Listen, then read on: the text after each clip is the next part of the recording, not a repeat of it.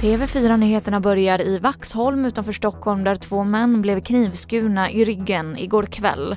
Polisen har gripit en man i 25-årsåldern och säger att brottet skedde oprovocerat. Det ska inte finnas någon tidigare koppling mellan personerna. I Sollentuna norr om Stockholm blev en man i 20-årsåldern skjuten i benet av en maskerad gärningsman som kom i ett fordon igår kväll. Polisen säger att det är oklart hur pass skadad mannen är men en förundersökning om grov misshandel är inledd. Vi går vidare till Melbourne och delstaten Victoria i Australien där det utlysta virusnödläget förlängs till den 13 september. Det här meddelar delstatens premiärminister enligt ABC News. Och det katastroftillstånd som utfärdades för två veckor sedan gäller fortfarande.